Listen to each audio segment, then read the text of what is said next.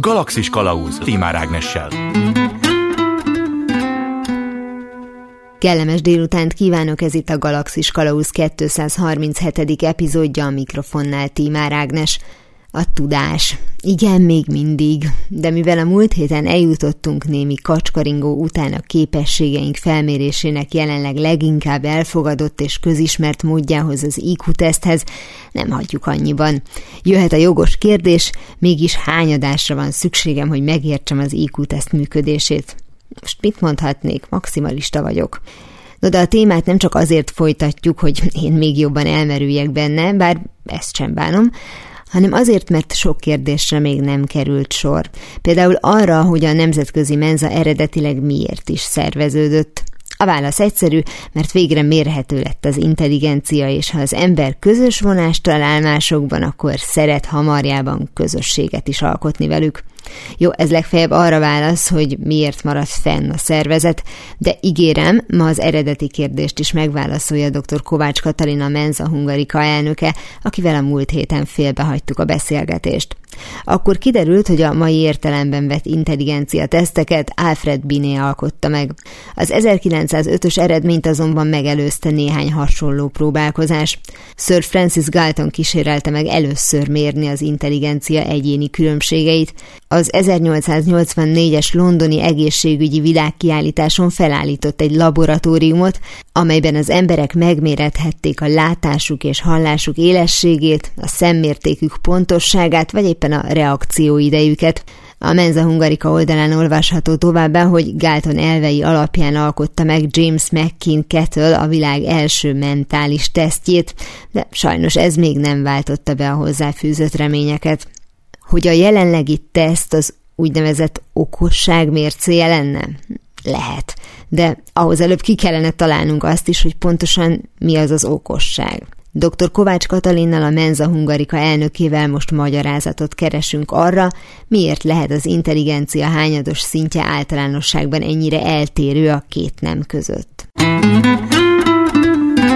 Első megálló az, hogy a férfiaknál vannak a kiugró jó és rossz eredmények, inkább és a nőknél meg a több átlagos, abban nem lehet az is erősen benne, hogy a nőknek a veleszületett intelligenciája hasonló szintű, csak éppen a nőknek konkrétan kevesebb lehetősége, esélye van arra, hogy mondjuk tovább tanuljon, és bizonyos értelemben az őt körülvevő közeg is más, mint akár mondjuk a vele egy háztartásban felnövő fiúé, mert mert mhm. máshogy beszélnek vele, másról beszélnek vele, és ahogy ugye már erről szó volt, később meg már nehezebb behozni ezt a lemaradást. Így van, igen, ez abszolút lehetséges. Társadalmilag más a, a hozzáállás egy lánygyerekhez, mint egy fiúgyerekhez, tehát más stilleket próbálnak alapvetően erősíteni a, a lányokban, meg a fiúkban. Ez persze általánosítás, de, de azt gondolom, hogy az azért kijelenthető, hogy ez a jellemző. És akkor ezen belül nem is nagyon vettek észre komolyabb változást az elmúlt időszakban. Tehát az ember mindig reménykedik, hogy uh-huh. már nem kell arra felhívni a figyelmet, hogyha valaki nő, attól még tud programozni, de akkor ezek szerint mégis. Egyébként mégis egy pici változás van. Van nekünk egy titkárunk, aki minden évben a közgyűlésen hoz nekünk különböző számokat, meg statisztikákat, és akkor ő ezt egész pontosan leszokta vezetni évről évre, és nagyon sok évig ez, ez teljesen konzekvensen tartotta magát ez a 33,3, 66,6, tehát ez egyharmad, kétharmad, és akkor az utóbbi egy évben volt, hogy átbillentünk 66-ra és 34-re, tehát hogy egy, egy picit növekedett a, a lányoknak a száma, egy kicsit az egyharmadról tovább mozdultunk. Ugye egy százalék csak, de ezt akkor már is megállapítottuk, hogy ez már azért így némiképp előremutató. Bár alapvetően megmutatja a, a képességeinket, de például a kreativitásunkat nem tudja megmutatni az IQ-teszt. Így van, ez nem egy ilyen exakt terület, nagyon sokféle értelmezése is van, definíció is van az intelligenciának. Ezért említettem azt, hogy ezt a fluid intelligenciát méri a, a mi tesztünk, de ugye nagyon sokféle intelligencia teszt létezik, nagyon sokféle részletes teszt áll rendelkezésre, nyelvi intelligenciára külön, logikai, matematikai intelligenciára, zenei intelligenciára, ezekre külön állnak rendelkezésre nagyon részletes tesztek. A Menza nem ezzel foglalkozik, tehát mi ezt a fluid intelligenciát mérjük ezekkel a tömegesen felvehető tesztekkel. De az említett specifikus tesztek esetében is mondjuk, ez a bizonyos zenei IQ teszt, itt sem arra kell gondolni, hogy valaki meg tudja elmondani, hogy Schubert mikor ért, tehát hogy nem műveltségi információkra kíváncsiak, tehát azért, mert valaki rengeteget jár színházba, és meg is érti, amit lát, meg nagyon sokat olvas, szintén ugye szövegértésben is jó, de mondjuk nem igazán tudja elmagyarázni, hogy a villanykörte mitől gyulladt ki, amikor felkapcsoljuk a lámpát, ami valójában így viccesnek tűnik, de szerintem elég sokan nem tudjuk Én Nagyjából igen. De ebből akkor az következik, hogy feltehetően neki legfeljebb átlagos lesz az iq -ja? Hogyha a mit tesztünkön mérjük, akkor valószínűleg igen, mert neki egy olyan meghatározott részképessége nagyon erős, amit a mi tesztünk pont nem mér. Haladnia kell a korral az IQ tesznek, amikor azt látják, hogy mindenki a kisújjából rázza ki, akkor az azt jelenti, hogy már nem elég erős? Igazából erre akkor lehetne válaszolni, hogyha ezt a standardizálást ezt újra elvégeznék. Tehát, hogyha ezt a tesztet, amit a 90-es években standardizáltak, azt újra standardizálnák. Tehát újra megnéznék, hogy ezt hogyan töltik ki a mostani 18 évesek, akik még ugye az eredeti standardizáláskor nem is éltek, azok, akik most középkorúak, azok, akik most idősek, valószínű abból, abból lehetne ilyen jellegű következtetést levonni, hogy mondjuk ugyanazokat a feladatokat, hogy végzik el most ahhoz képest, ahogy hogy akkoriban elvégezték, vagy ugye maga a teszt hogyan változna? Valahogy reflektálna-e a megváltozott körülményekre.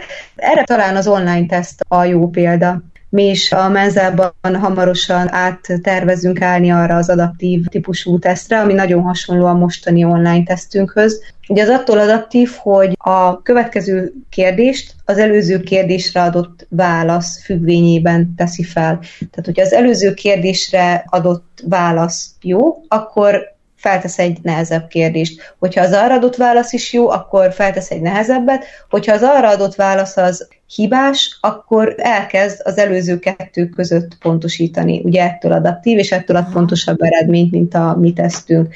Tehát, hogyha ez bevezetésre kerül, ezt a nemzetközi menzával közösen tervezzük egyébként, akkor az, az egy érdekes eredmény lehet, hogy ott azt hogyan sikerül majd kitölteni. Az eredeti online tesztet, ami egyelőre elérhető ugye önöknél, hogyha valaki azt kitölti, mondta, hogy ha ráérez ennek a logikájára, akkor az ugye tud segíteni. Hát nyilvánvalóan ez nem csalás, különben, a, tehát hogy nem raknák ki, de hogy tehát fel lehet készülni egy IQ tesztre? Lehet, lehet rá tréningezni magunkat? Az IQ ugye nem fejleszthető már így direktben felnőtt korban, legfeljebb szinten tartató. Ha, ha valamiben meg akarjuk határozni a a tesztre való felkészülést, akkor az a kipihentség, a fókuszálás. Most nyár van, nagyon sok fesztiválon ki vagyunk települve, oda jönnek a sátrunkhoz, és így kérdezik, hogy esetleg itt lehet-e tesztetni, és akkor el szoktuk mondani, hogy hát igazából dübörög a zene, és 40 fok van, és most valószínű, hogy itt jönnének, mennének, és most nincs rá 40 percet, hogy itt ezt nyugodtan megted. Milyen aranyos már, úgy értem ez a példa, hogy fesztiválozás közben kimászott a sátorból, mert előző este még koncerten volt, vagy éjszaka, Igen. talán egy kicsit másnapos is, és azt gondolta, hogy ha jó helyre teszi az X-et, akkor azt bármikor megcsinálhatja, ugyanannyi igen, lesz.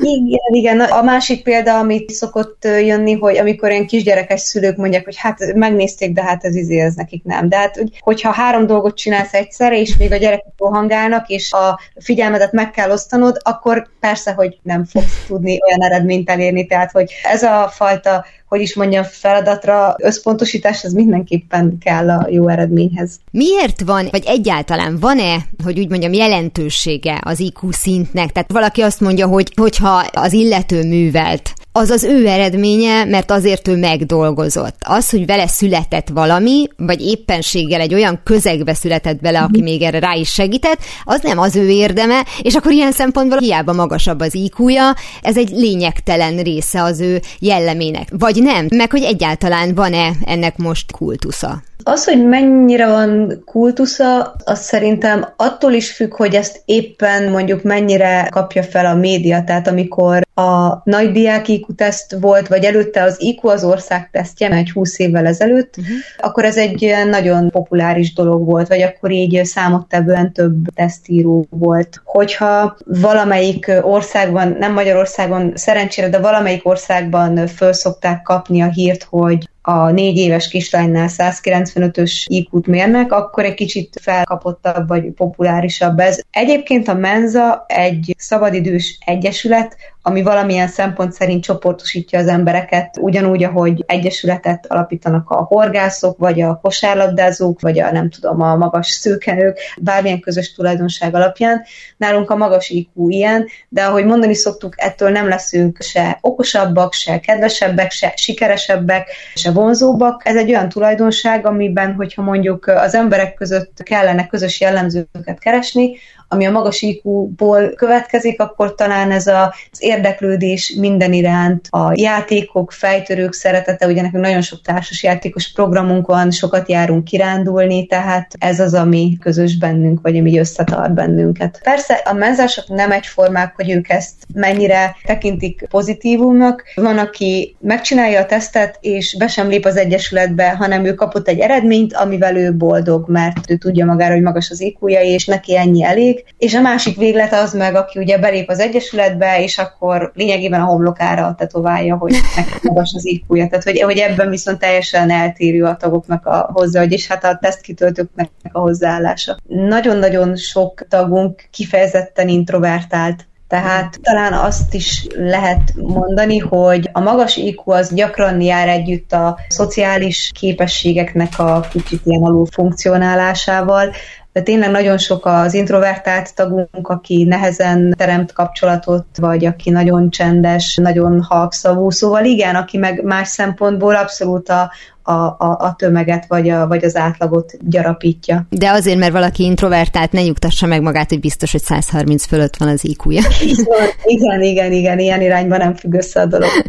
Sajnos. Még magáról a Menza Egyesületről azért olyan szempontból beszéljünk, hogy ez mikor és milyen céllal alakult? Maga a Menza az egy nemzetközi szervezet, amit Angliában alapítottak 1946-ban, és az eredeti célja az volt, hogy összefogja azokat a rendkívül tájékozott, nagy tudású embereket, akik majd a kormányoknak tanácsot fognak adni arra vonatkozóan, hogy hogyan vezessék az országokat. Nagyon hamar rájöttek, hogy ez nem egy működő modell, és onnantól kezdve igazából elkezdtek egy ilyen kötetlen szabadidős klub jelleggel működni, ahogy az alakuló nemzeti menzák is, ahogy a magyar menza is, mi pedig 1993-ban alakultunk, úgyhogy mi most ünnepeltük a fennállásunknak a 30. évfordulóját. Egyrészt gratulálok hozzá, másrésztről pedig ez, hogy rájöttek, hogy ez nem működőképes az eredeti elképzelés, az amiatt volt, hogy első körben ők is azt gondolták, hogy akinek magas az iq az leegyszerűsítve okos, tehát majd ő megmondja a tutit. De amiről ugye eddig is beszéltünk, ez valami egészen más képességet mutat, és nem feltétlenül fogja tudni, hogy mit kellene csinálni a pénzügyminiszternek. Így van, igen. Én most azon tűnődöm csak, hogy egyáltalán felmerült az, hogy ugye szakpolitikusokat igénylő feladatok esetében pusztán attól, hogy valakinek jó a befogadó képessége, meg érdeklődő a világra, hogy az miért feltételeznék, hogy segítséget fog nyújtani. Az évszámot még értem, hogy, hogy a második világháború után közvetlenül nyilván az ember mindenféle megoldásokat próbált keresni arra, hogy még egyszer ilyen világégés ne történjen, csak valahogy mégis olyan fura vagy olyan utopisztikus elképzelésnek tűnik most innen nézve már. Igen, ez valóban kicsit inkább ilyen vicces utólag visszagondolva, hogy ők ezt, ők ezt komolyan gondolhatták, és hát ez a, ez a szabadidős jelleg és ez a van egy közös tulajdonságunk, aminek örülünk, és ami nekünk sokat jelent, de azért nem vesszük ezt olyan értelemben túlságosan komolyan, hogy nem, nem erre építjük a teljes életünket, ez sokkal inkább, hogy is mondjam, életszerű, vagy sokkal inkább erről kell, hogy szóljon az intelligencia.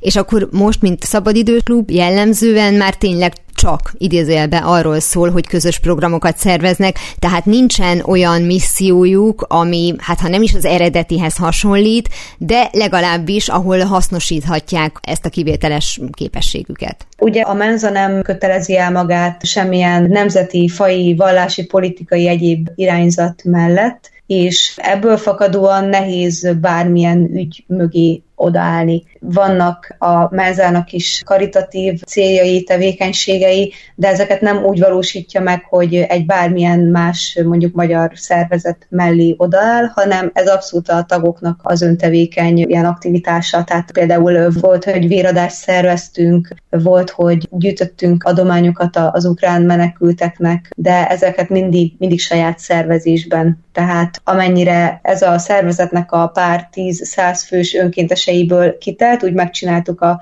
úgymond a saját zászlajunk alatt, de lényegéből fakadóan a menza nem tud bármilyen más egyéb szervezet mellé odaállni, mivel nem köteleződik el semmilyen irányba. Ha most a magyar menzát vesszük, akkor más nemzetek menza egyesületeivel mennyire van egyébként egy, egy folyamatos kapcsolattartás, vagy mennyire vannak közös projektek vagy programok? Jelenleg nem jellemzőek. A nemzetközi menza, mint olyan rendelkezik saját alapszabálya, saját elnökséggel, akiknek a működésével tisztában vagyunk, és ezt követjük is, szavazunk a nemzetközi menza tisztségviselőire is, de nemzeti menzák között ilyen szervezett kapcsolat az nem nagyon valósult meg. Viszont vannak nemzetközi programjaink, például ilyen couchsurfing jelleggel gyűjtjük össze a kereslet és kínálatot, hogyha mondjuk egy magyar menzata külföldre akar utazni, akkor meg tudja nézni, hogy abban a fogadó országban kik vannak más menzások, akik mondjuk őt elszállásolnák, vagy elkísérnék programokra, és ugyanúgy itt is, tehát a magyar menzában is megvan erre a lehetőség, hogy aki szívesen fogadna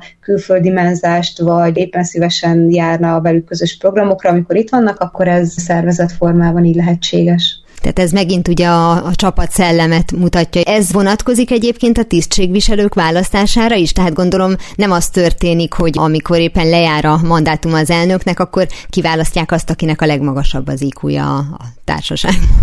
Ilyen kérdés, amikor felmerül, akkor nyilván a elnöknek a hiúsága, vagy jelen esetben az enyém, az így, így mindig egy kicsit simogatva van, hogy hát volt, aki megkérdezte, hogy akkor most én vagyok a legokosabb nő az országban, és hát erre az a jópofa analógia van, hogy a Magyar Diabétesz Társaság elnökes abból lesz, akinek a legmagasabb a vércukra.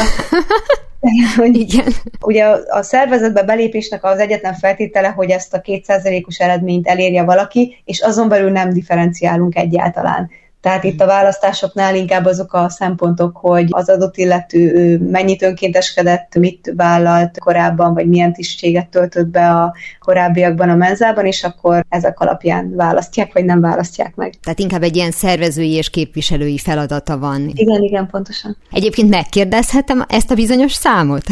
Az ön esetében? Igen, hát ugye a felső 2%, tehát a 98% fölöttit azt annyiban differenciáljuk, hogy van a 2%, tehát a 98%-nál magasabb eredményt elérő, és van az 1%, a 99%-nál magasabb eredményt elérő. Ennek egyébként semmi jelentősége nincsen, nekem ez az 1% most van meg, tehát a 99% feletti, ami lényegében annyit mutat, hogy a fenti 2%-ban még tudunk egy kicsit differenciálni, de semmi egyebet nem jelent. És akkor a konkrét számot pedig nem árulja el, mint a telefonszámát, vagy... Tehát a 135 fölötti az 1 százalék, a 130 fölötti pedig a, a 2 százalékos uh-huh. érték. Ezen túl már nem, nem mérünk, már nem differenciálunk tovább. Tehát 135 fölötti, az 135 fölött van mindenkinél, aki ezt az eredményt produkálta, ott, ott már nem pontosítunk tovább. De hát gondolom azért ez mégiscsak egy, egy büszkeség, nem? Tehát, hogy azért nem kell az embernek szégyelnie magát, hogy emiatt büszke magára. Tehát azért ebben van munkája. Igen, most erre megint egy példával tudok élni, hogy én ugye jogász vagyok, és ugye ennél fogva jogosult vagyok a doktor cím viselésére, és amikor annó ezt megkaptam 24 évesen, akkor nyilván pizzát is így rendeltem, hogy doktor Kovács. Tehát, hogy azért megvan persze ez a büszkeség, hogy én, én elértem valamit, de szerintem egy idő után, aki belép az Egyesületbe, és így a mindennapi programokban részt vesz, vagy így látja a tevékenységet, azt úgy tudja a helyén kezelni. Tehát, hogy ez tényleg egy képesség, amitől így nem leszünk jobbak vagy rosszabbak, ez egy olyan képesség, ami bennünk közös, és örülünk neki, és örülünk egymás társaságának, de hogy szerintem ez így van a helyén. Ön egyébként mikor és miért mérette meg magát? Egyrészt érdeklődésből, másrészt azért, mert én egy tanuló gyerek voltam, nagyon rossz magatartással, tehát én azért nem voltam soha kitűnő, mert a magatartásom az legjobb esetben négyes volt, de inkább rosszabb, és így mindig tudtam, hogy van valami, amiben így az én agyam máshogy jár. Én nagyon sokat unatkoztam, órákon nagyon hamar felfogtam a tananyagot, és utána nem tudtam magammal mit kezdeni, vagy például így megfigyeltem, hogyha a moziban megyünk, és vicces, egy poénos dolgot mondanak, akkor mindig én nevetek föl elsőnek, és akkor kis hatáson, és jönnek a többiek. Tehát, hogy tudtam, hogy valami van bennem, ami eltérően működik a többiektől, valamilyen mentális dolog, és amikor így először láttam IQ tesztet, vagy így töltöttem ki ilyen feladatokat, akkor így sejtettem, hogy ez lesz az. És hát ez volt az. Nagyon sokan vannak, akik valamilyen ilyen élethelyzeti válságból adódóan jönnek. Ez nagyon érdekes egyébként. Nagyon sokan számolnak be róla, hogy mondjuk kirúgták az állásából, és neki kellett egy ilyen visszaigazolás, hogy a hiba nem feltétlenül emiatt van, tehát hogy ő nem egy, egy, egy hülye ember, most ezt nagyon lesarkítom, de mondjuk ezért, vagy van, aki egy ilyen hosszú párkapcsolat végén azért, mert hát ő meg akarja mutatni elsősorban saját magának, hogy ő, ő tényleg ér valamit, és akkor ennek minden kis morzsáját igyekszik összeszedni, és pont az az IQ teszt az egyik ilyen. Tehát, hogy nagyon sokan így az önbecsülésüknek a, a fejlesztésére jönnek tesztet írni. Az említett mozis példa, amit mondott, hogy előbb nevet föl, mint a többiek, ebben az is mhm. benne van, hogy előbb fejti meg a krimit? Tehát biztosan nem ön kiáltott fel a moziba, hogy Bruce Willis halott, de mondjuk például az ilyen típusú információkat is előbb dekódolja? Igen, igen, ez is jellemző egyébként a regényolvasásban is, vagy a filmeknél is megvan ez, igen, hogy hát nagyjából már tudom, hogy mi fog történni, aztán így, így végignézem, meg, meg így nem mondom a többieknek, de hogy így, így összeáll egyszerűen az információkból, hogy mi a történés. Igazán meglepetést nem tud okozni, akár mondjuk egy irodalmi mű, vagy egy film, vagy van, amire konkrétan emlékszik, hogy örült neki, hogy máshogy járt mondjuk az alkotó agya, és éppen ezért tényleg tudott meglepetést okozni. Ja, persze, igazából ez a gyakori, tehát, hogy egy jól megírt krimi azért van annyira komplex, hogy hát nagyon-nagyon kell figyelni, hogy erre az ember rájöjjön. Igaz, hogy ott van a sorok között, de azért nem, nem evidens. Amire konkrétan emlékszek, az a Stephen Kingnek a halálsoron, mm. amiben összeállt, hogy a Kofi, akit ugye végül ártatlanul halára ítélnek, hogy nem ő követte el azt a gyilkosságot. Az így mondjuk összeállt, mire a könyvben odáig értek, hogy leírták a megfejtést, addigra nekem is összeállt, de azért ez a ritkább. Mondta, hogy viszonylag sok az introvertált ember a magas iq között, így ugye a menzában is, tehát tulajdonképpen akkor feltehetően kevés jelölt közül választják ki a tisztségviselőket, mert a legtöbben azt mondják, hogy hát én nem szeretnék nyilatkozgatni például. Így van, igen, igen, igen. Hát nem is tudom, az előző elnök választáson ott öt elnök jelölt volt, és az egy ilyen rekordmagas szám. A mennyiből? Való... Mert egyébként azt nem mondtuk, hogy mekkora ja, azt, Igen, azt nem mondtuk el, hogy 4700 fős az ah. Egyesület jelenleg. És azok, akik aktívan részt vesznek a mindennapokban, programokra járnak, kifelé is így aktívabban megnyilvánulnak, az azért egy pár száz fő az Egyesület kereten belül. Egyébként ez a szám más országokban számarányilag ugyanilyen eredmények vannak, vagy mi nálunk sok a magasikújú, kevés a magasikújú más országokhoz képest? Ez egy érdekes kérdés, mert a nemzetközi menzában például az szerint van szavazati jogunk, hogy lakosságarányosan mennyi a tagságunk, uh-huh. és ebben nagyon jó helyen állunk, tehát az első ötben benne vagyunk, oh. hogyha nézzük a nagyjából száz országban jelenlévő menzákat, akkor ebben nagyon jó helyen állunk, tehát lakosságarányosan nekünk nagyon sok tekünk van. Ami még fontos, hogyha már erről beszélünk, az IQ-teszt eredményét azt nem tudja senki más, csak a felügyelő pszichológus, aki javítja. Tehát ezt nem tudom én sem, ismerőstől megkaptam, hogy hát ő azért nem írt tesztet, mert hogy én azt biztos tudni fogom, hogy ő nem teljesítette jól, vagy én vagyok az elnök is, hogy nem, szóval, hogy, hogy a tesztnek az eredménye az abszolút egy szigorúan bizalmas adat, hogyha most jogilag nézzük, mert mégiscsak jogász vagyok, akkor ugye ez egy egészségügyi adat, tehát ugye oh, ez igen. a mentális állapotra vonatkozóan egy különleges adat, ezt ennek megfelelően is kezeljük. Az egész szervezetnek a hitelességét alásná, hogyha ez nem így lenne. Ezt az eredményt, ezt a felügyelő pszichológus tudja csak, illetve az alany, tehát aki megírta a tesztet, és senki más. De az az igazság, hogy megvan az eredmény, a magam elől már nem tudom eltitkolni, úgyhogy az, az már eldőlt. Dr. Kovács Katalina Menza Hungarika elnöke volt velem az elmúlt percekben. Köszönöm szépen, hogy mindezeket elmondta. Én is köszönöm szépen a meghívást. Ha a számításaim helytállóak, amikor eléri a 88 mérföldes sebességet, csodát fogsz látni, fiú! A Menza Nemzetközi Egyesületnek ma több mint 140 ezer tagja van a világ közel 100 országában. A magas intelligencia hányados mellett persze több hasonlóság is van a tagok között. Ebből az egyik, hogy emberek. Na, amennyiben ennek van jelentősége. Vagy csak annyira, mint magának a magas IQ szintnek, ahogy az iménti interjúból is kiderült. Ezért úgy gondoltam, hogy más lények vele született és szerzett tudása is mérésre méltó. Mm, legyenek mondjuk a kutyák. Hamarosan folytatódik a Galaxis Kalauz velük, pontosabban kutatójukkal, Kubinyi Enikő etológussal. Galaxis Kalauz Ez itt továbbra is a Galaxis Kalauz, én Tímár Ágnes vagyok. A műsor első felében szembesítettük magunkat az emberi intelligencia határaival és persze a mérhetőségével. Ahogy ígértem, most a kutyák következnek, ha bár az ő eredményeikkel legfeljebb a gazdiknak okozhatnak örömet vagy éppen csalódást a szakemberek, amennyiben kis kedvencüktől a tulajdonosok elvárnak valamilyen haszonállatra jellemző képességet. Második megálló itt van velem Kubinyi Enikő, etológus, az ELTE etológia tanszékének tudományos főmunkatársa. Szia! Szia Ági, és üdvözlöm a hallgatókat! Van a velünk született tudás, és van a szerzett, amit egyébként nem mindegy, hogy mikor szerzünk. A kutyák esetében ugyanilyen egyértelműen elhatárolható ez a két tudás vagy képesség? Szerintem nem kell ezeket elhatárolni, mert hogy igazából bármi, amit látunk viselkedés szinten egy élőlénynél, komoly genetikai hatás alatt áll, és, és azon kívül pedig nagyon fontos az, hogy milyen környezetben nő föl egy élőlény, mit tanul meg, milyen tapasztalatai vannak. Tehát egy viselkedés az mindig genetikai és környezeti hatásoknak az összegéből jön ki, és ez az intelligenciánál is így van. És a kutyák esetében egyébként van mondjuk ilyen nagyon egyértelmű példa, ahol ugye nem kell méregetni, de tudjuk, hogy ez az ösztön, ez hozta onnan, hogy farkasból kutya lett, és ez pedig az, ami egyértelműen az embernek, vagy mondjuk a jelenlegi környezetnek a hatása.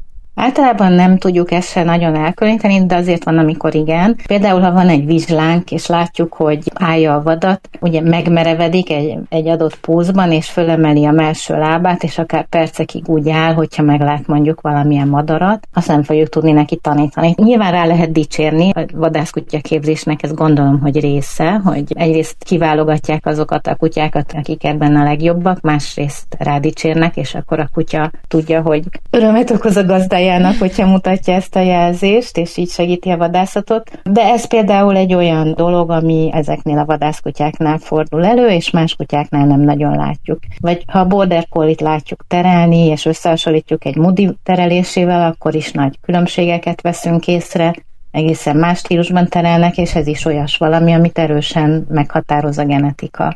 De hát természetesen, ahogy képezik őket, ott is rádicsérnek, vagy lebeszélnek egy-egy kutyát valamiről. Na ez a lebeszélés, ez, ez érdekel engem, mert hát ugye kérdés, hogyha tényleg ez az ösztön ennyire erőteljes, akár a vadászkutyák esetében, csak mert nekem tacsi keveréken van, és az a baj, hogyha lát valamilyen kis állatot, akkor azt látom a tekintetében, hogy kész, eltűnt a külvilág, tehát én ott mondhatok bármit. És nem tudom, hogy itt most arról van szó, hogy van egy ösztön szint, amit egyszerűen gazdi, vagy bárki más, aki hatással van rá, ott nem tud befolyásolni, vagy hát ez, ez nevelés kérdése, és konkrétan az én kutyám rosszul van nevelve, vagy sehogy sem. Tehát, hogy aki jól tartotta, akár mondjuk a, a vizsláját, akkor azt akkor is meg tudja állítani, hogyha az vadat lát. Ezek nagyon bonyolult kérdések, és csak akkor lehet jó választ adni, hogyha valaki ismeri az adott egyedet. Tehát mondjuk kezdjük onnan, hogy egy tacskót meg egy vizslát teljesen más feladatra szelektáltak ki. Amikor még vadászatra használták őket, akkor ugye egy tacskónak be kellett menni egy föld alatti üregbe, és megölni egy borzot vagy egy rókát. Ehhez a gazdától semmilyen segítséget nem vehetett igénybe, tehát ő ott az üregben teljesen magára volt utalva, és élethalál harcot vívott. Tehát vagy ő ölte meg a rókát, vagy fordítva. Ehhez, ha mondjuk emberi terminológiával akarok fogalmazni, el kell borulnia az agyának. Ugye csak akkor maradhat életben ebben a helyzetben, hogyha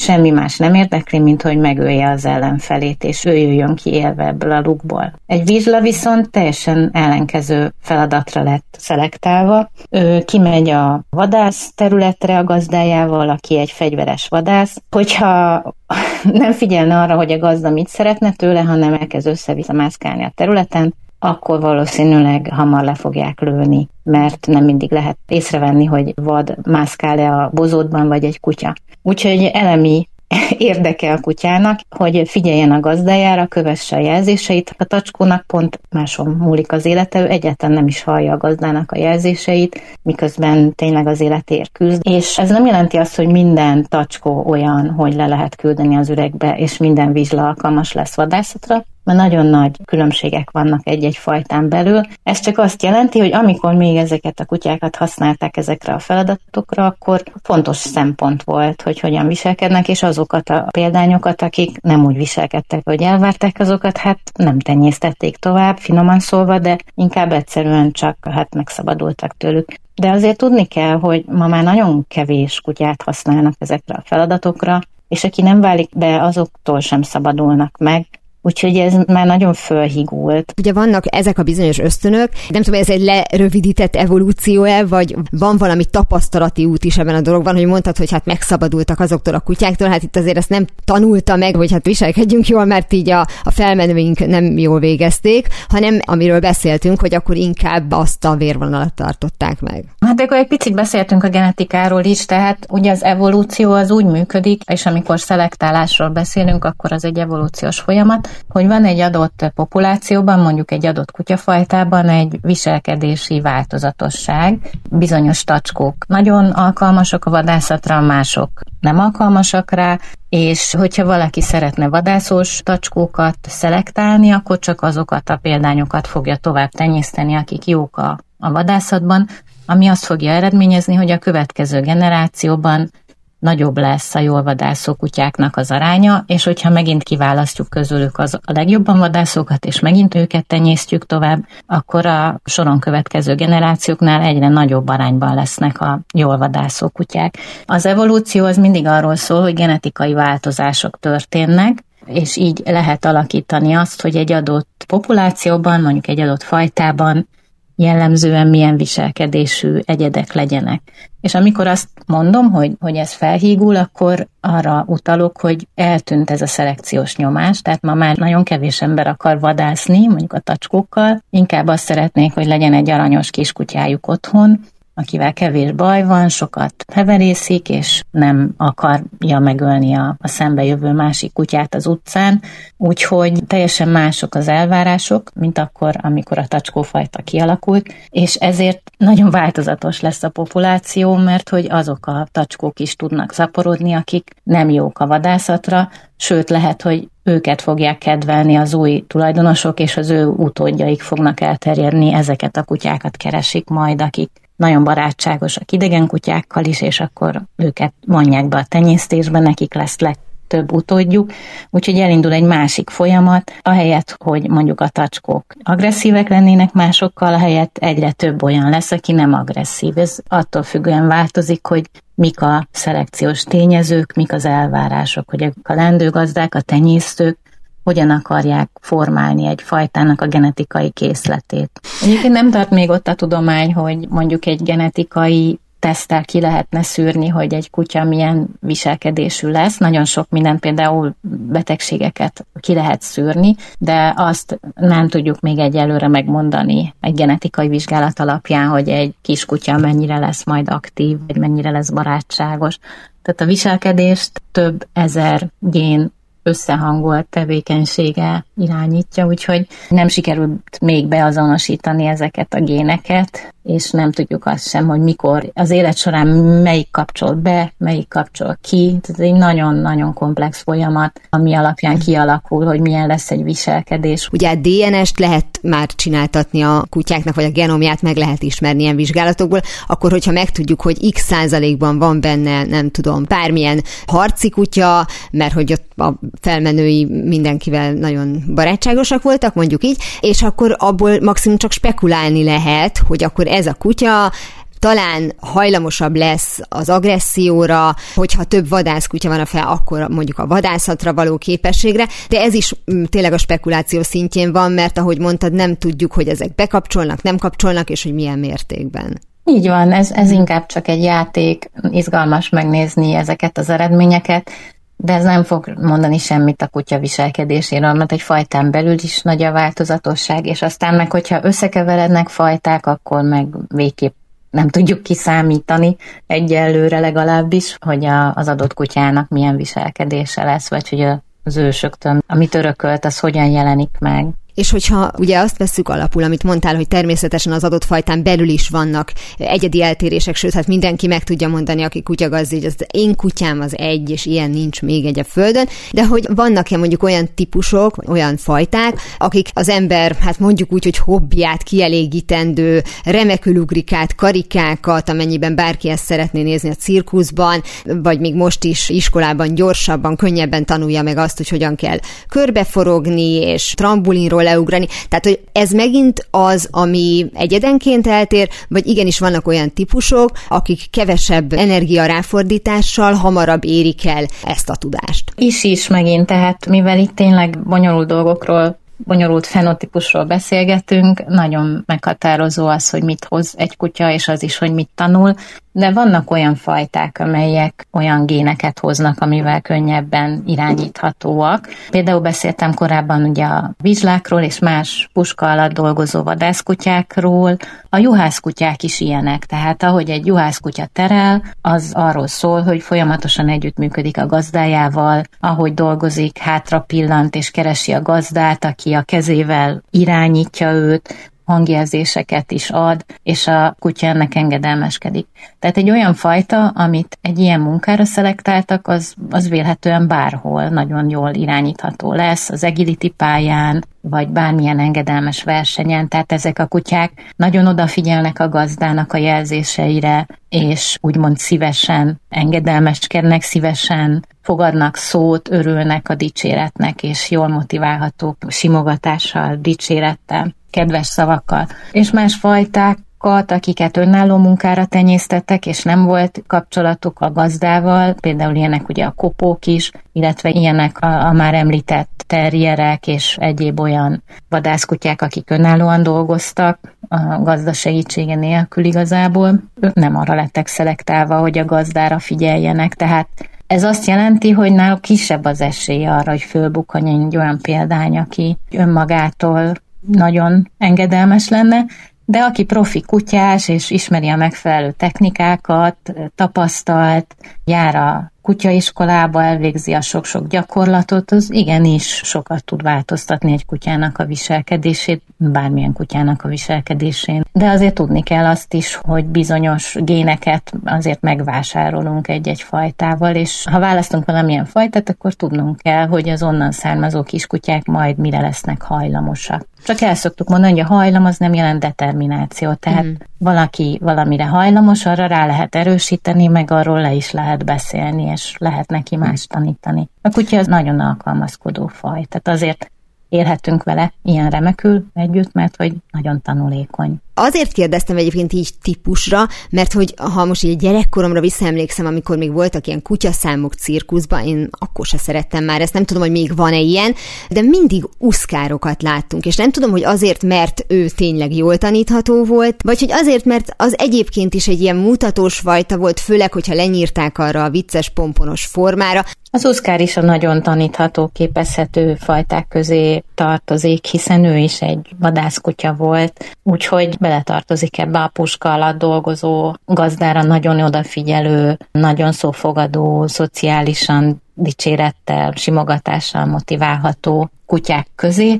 Persze itt is nagy a változatosság, és hogyha egy kutya divatos lesz, egy fajta divatos lesz, akkor beindulnak a kutyagyárak, ahol aztán abszolút nem szempont, hogy milyen kutyától hány kis kutya születik, illetve csak ez a szempont, hogy sok szülessen, de az, hogy kik az ősök, az nem számít. És akkor megint csak azt fogjuk látni, hogy lehet, hogy eredetileg az uszkár az egy nagyon jól irányítható, nagyon tanulékony fajta volt, de onnantól kezdve, hogy népszerűvé vált, onnantól kezdve bármi előfordulhat, és nagyon sok mondjuk félénk lesz, és az állandó stressz miatt képtelen koncentrálni a feladatra vagy a gazdájára. Tehát azért ez is egy fontos tényező, hogy oké, okay, hogy egy kutyafajta valamilyen munkára alkalmas volt, hajdan, valamilyen munkára kiszelektálták, de hogyha divatos lesz, és rengeteg kiskutyára van igény, akkor a tenyésztők nem fognak az etikus tenyésztők nyilván fognak erre figyelni továbbra is, de megjelenik a piacon rengeteg ember, aki csak kielégíti a keresletet, és akkor a, a fajta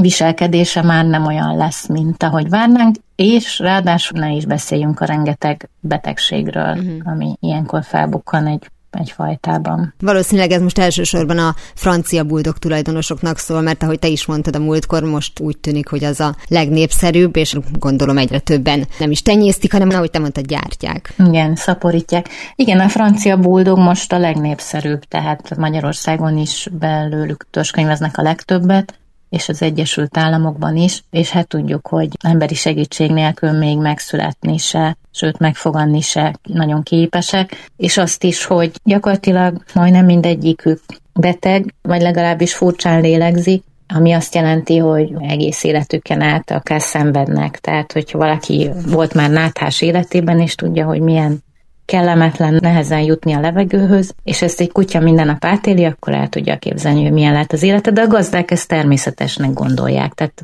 úgy tűnik, hogy úgy észlelik a kutya légzési nehézségeit, mint ahogy a tacskónak rövid lába van, hogy hát ez egy ilyen fajta jellegzetesség. Sokan, akiknek volt már francia buldogok, ismét azt vesznek. Ennek valószínűleg egyébként az az oka, hogy ezek a kutyák amúgy tényleg aranyosak, tehát nekünk is volt egy vizsgálatunk, ami kimutatta, hogy sokat néznek az ember emberi arcra, többet, mint más fajták. Valószínűleg azért, mert ugye ilyen előretekintő szemük van, ezért ők máshogyan látnak, mint más fajták. És hát nagyon kényelmes velük élni, mert hogy ugye alig bírnak mozogni, és ezért nincs nagyon rá igényük. Tehát a, a mai ülő életmódhoz ők nagyon jól alkalmazkodnak. A méretük kicsi, a szőrük rövid, tehát hogy igazából azon kívül, hogy rendszeresen állatorvoshoz kell járni, és magasak az állatorvosi számlák, és amúgy meg sok ember azt is szereti, hogy gondoskodni kell valakiről, mm. tehát hogy ez a kutya igazán rájuk van szorulva. De ennek ennyire azt gondolom, hogy ez egy divat, és majd le fog csengeni, sokan megértik majd, hogy ezek a kutyák sokszor szenvednek, és hát senki nem szeretné, hogy akit ő szeret, az szenvedjen, úgyhogy szerintem ezt lassan majd megértik az emberek, és akkor majd egy, majd egy másik kutyafajta lesz divatos. Ugye arról beszéltünk, hogy melyik típus mire tanítható vagy nem tanítható, de ez egy ilyen egydimenziós dolognak tűnik, tehát hogy vagy megtanulja, vagy nem. Mennyire tud a kutya összetetten gondolkozni? Például a varjakról lehet azt tudni, hogy pontosan tudja, hogy mit kell kinyitni ahhoz, hogy eljusson a valameddig, hogy azzal ő majd ki tudjon nyitni valamit, hogy a kutya az maximum annyit rak össze, hogy nem tudom, négy óra körül szoktunk ebédelni, de azt igazából érzi, nem tudja, és az is még csak egy lépés. Vagy tud összefüggően gondolkozni, látva azt, hogy a gazdi mit csinál, és nem a rutinból, hogyha mindig ezt csinálja, akkor annak ez szokott lenni az eredménye, hanem felméri, hogy azért kell neki az a csörgős valami, amit beledug abba a valamibe, hogy kinyissa vele az ajtót. Szerintem erre azért minden kutyatartó tud válaszolni, nem kell ehhez nagyon szakértőnek lenni, rengeteg mindent előre tudnak már a kutyák, a belső órájuk kiválóan működik, úgyhogy ezt ők nagyon jól tudják, hogyha rendszeresen kapnak enni, akkor az mikor lesz. Ilyesmit is fölismernek, igen, amit kérdeztél, hogy egy kulcs az mire való. Arról is vannak anekdóták, nem tudom, Csányi Vilmos is írt róla, hogy például amikor a bukfánc vitte a pórász rendszeresen sétákhoz, egyszer nem érte el a pórázt, mert ez rá volt dobva egy ingre, de az ingnek a lelógó ujját elérte, és akkor ügyesen azt húzta le, tehát bizonyos következtetésekre a tárgyakkal kapcsolatban is képesek. És hát akkor itt említsük meg azt is, amivel most az etológia tanszék munkatársai sokat foglalkoznak, hogy vannak egészen kivételesen úgymond okos kutyák, akik több száz tárgynak a nevét is meg tudják tanulni. Egy-egy új tárgynak a nevét percek alatt megtanulják, és aztán ezeket ki tudják választani egy, egy csomó tárgy közül, és jól emlékeznek rá. Tehát, hogyha visszatesztelik őket a, a kollégáim egy év múlva, ők már nem emlékeznek, tehát az ember nem emlékszik, hogy az egy, egy-egy plusz játékot milyen néven neveztek el, de a kutya az megtalálja, és ki tudja választani. Ez nagyon ritka, tehát ezek a kutyák elképesztően tehetségesek, de azért ez is előfordul, tehát nagyszerű teljesítményeket láthatunk a kutyáktól. De ők azért tudják megjegyezni, mert egyszer megtanulták, és bármikor, ha álmukba fölébresztik, akkor tudni fogják, vagy azért, mert folyamatosan ebben a tréningben benne vannak, míg a, a munkatársaid viszont nem foglalkoznak vele egy éven keresztül, hogy mi volt a plüsnek a neve. Ennél a kísérletnél, amit említettem, a kutyák se foglalkoztak oh. vele, mm. de a gazdák rendszeresen játszák ezt a behozós játékot különböző tárgyak tárgyakkal, csak mivel egy kísérlet része volt, az adott tárgyat félretették a, a kutatók kérésére, tehát tényleg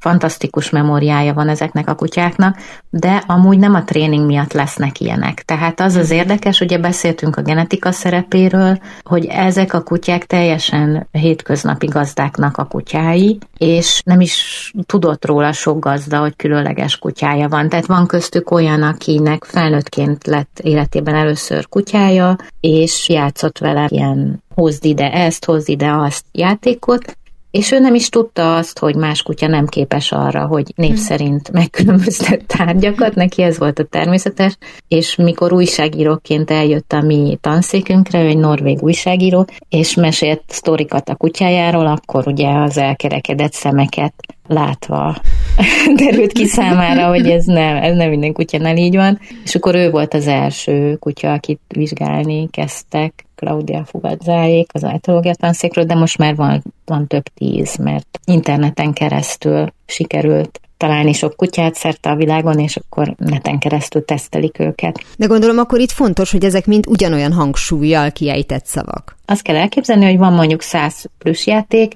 és azoknak sokszor kitalált neve van, mert... Ja, értem. Ugye, hozd ide a Freddet, hozd ide, ah, értem. Igen, igen, így van, pontosan így, ahogy mondod. Úgyhogy általában ugyanazzal a hangsúlyjal szokták mondani, és a szó alakokat tudják ezek a kutyák. És ez nagyon érdekes, mert más kutya ezt nem tudja. Tehát, hogyha azt mondod, hogy esetleg még van, hogy hozd ide a labdát, és akkor tudja, hogy valami, ami így gurul és mozog, azt kell idehozni, de ha nem lát labdát a környéken, akkor azért bármit oda fog vinni, mondjuk. Vagy hol a Igen. cica, és akkor ha. tudja, hogy keresni kell valamit. valamit. Ami elszalad előle, hát ez általában egy cica szokott lenni. De ez csak a, a hozd ide játékkal működik? Tehát, hogyha leraksz egy csomó tárgyat, ami között van fogkefe, meg még egyéb használati tárgyak, és azt mondod, hogy hozd ide a fogkefét, akkor azt fogja idehozni. Akkor tudja. De amúgy, hogyha azt mondod, hogy megyünk fogat mosni, akkor valószínűleg a helyzet az, ami ah. eszébe jut, hogy melyik helyiségbe megyünk be, ott most állni kell. Tehát, hogy maga a cselekvés sor és igék azok, amiket a kutyák általában ismernek. És akkor, ahogy mondtad, ez nem tréningfüggő, tehát hogy a hallgatóink közül, aki kutyás, szeretné ezt kipróbálni, akkor egymás mellé tegyen le tárgyakat, különbözőeket, és akkor mondja azt, hogy hozd ide. Sőt, a kutató társaim úgy tesztelik ezt, hogy a gazda külön szobában van, tehát ő nem is látja a tárgyakat, leteszi a tárgyakat az egyik szobában, ő maga leül a másik szobában, kutyát magához szívja, és akkor onnan indítja a kutyát, hogy hozd ide a fogkefét. Oh. És akkor a másik szobában ott van a fogkefe, meg még mellette öt másik tárgy, és akkor a kutya jön nagy boldogan, remélhetőleg a fogkefével. De hogyha nem azzal jön, akkor mondhatjuk, hogy nem ismeri föl a tárgyak nevét. Mhm. De a szándék meg volt benne is már, ezt, ezt is díjazzuk. Totó, azt hiszem már nem Kenzeszben vagyunk. Kubinyi Enikő etológussal, az ELTE etológia tanszékének tudományos főmunkatársával a jövő héten folytatjuk a beszélgetést a kutya észjárásról, elsősorban a táplálkozással kapcsolatos szokásaikról és vágyaikról. Már ennyi volt a Galaxis Kalauz, jövő héten ugyanekkor találkozunk. Hamarosan archívumunkból visszahallgathatják a mai adást is, valamint most már podcast formában is elérhető a műsor. A Rádió és a Galaxis Kalauz Facebook oldalán további érdekességeket találnak, illetve ha még nem tették, iratkozzanak fel YouTube csatornánkra. Köszönjük a figyelmüket a szerkesztő műsorvezető Tímár Ágnes. Viszont hallásra! Viszlát, és kösz a halakat!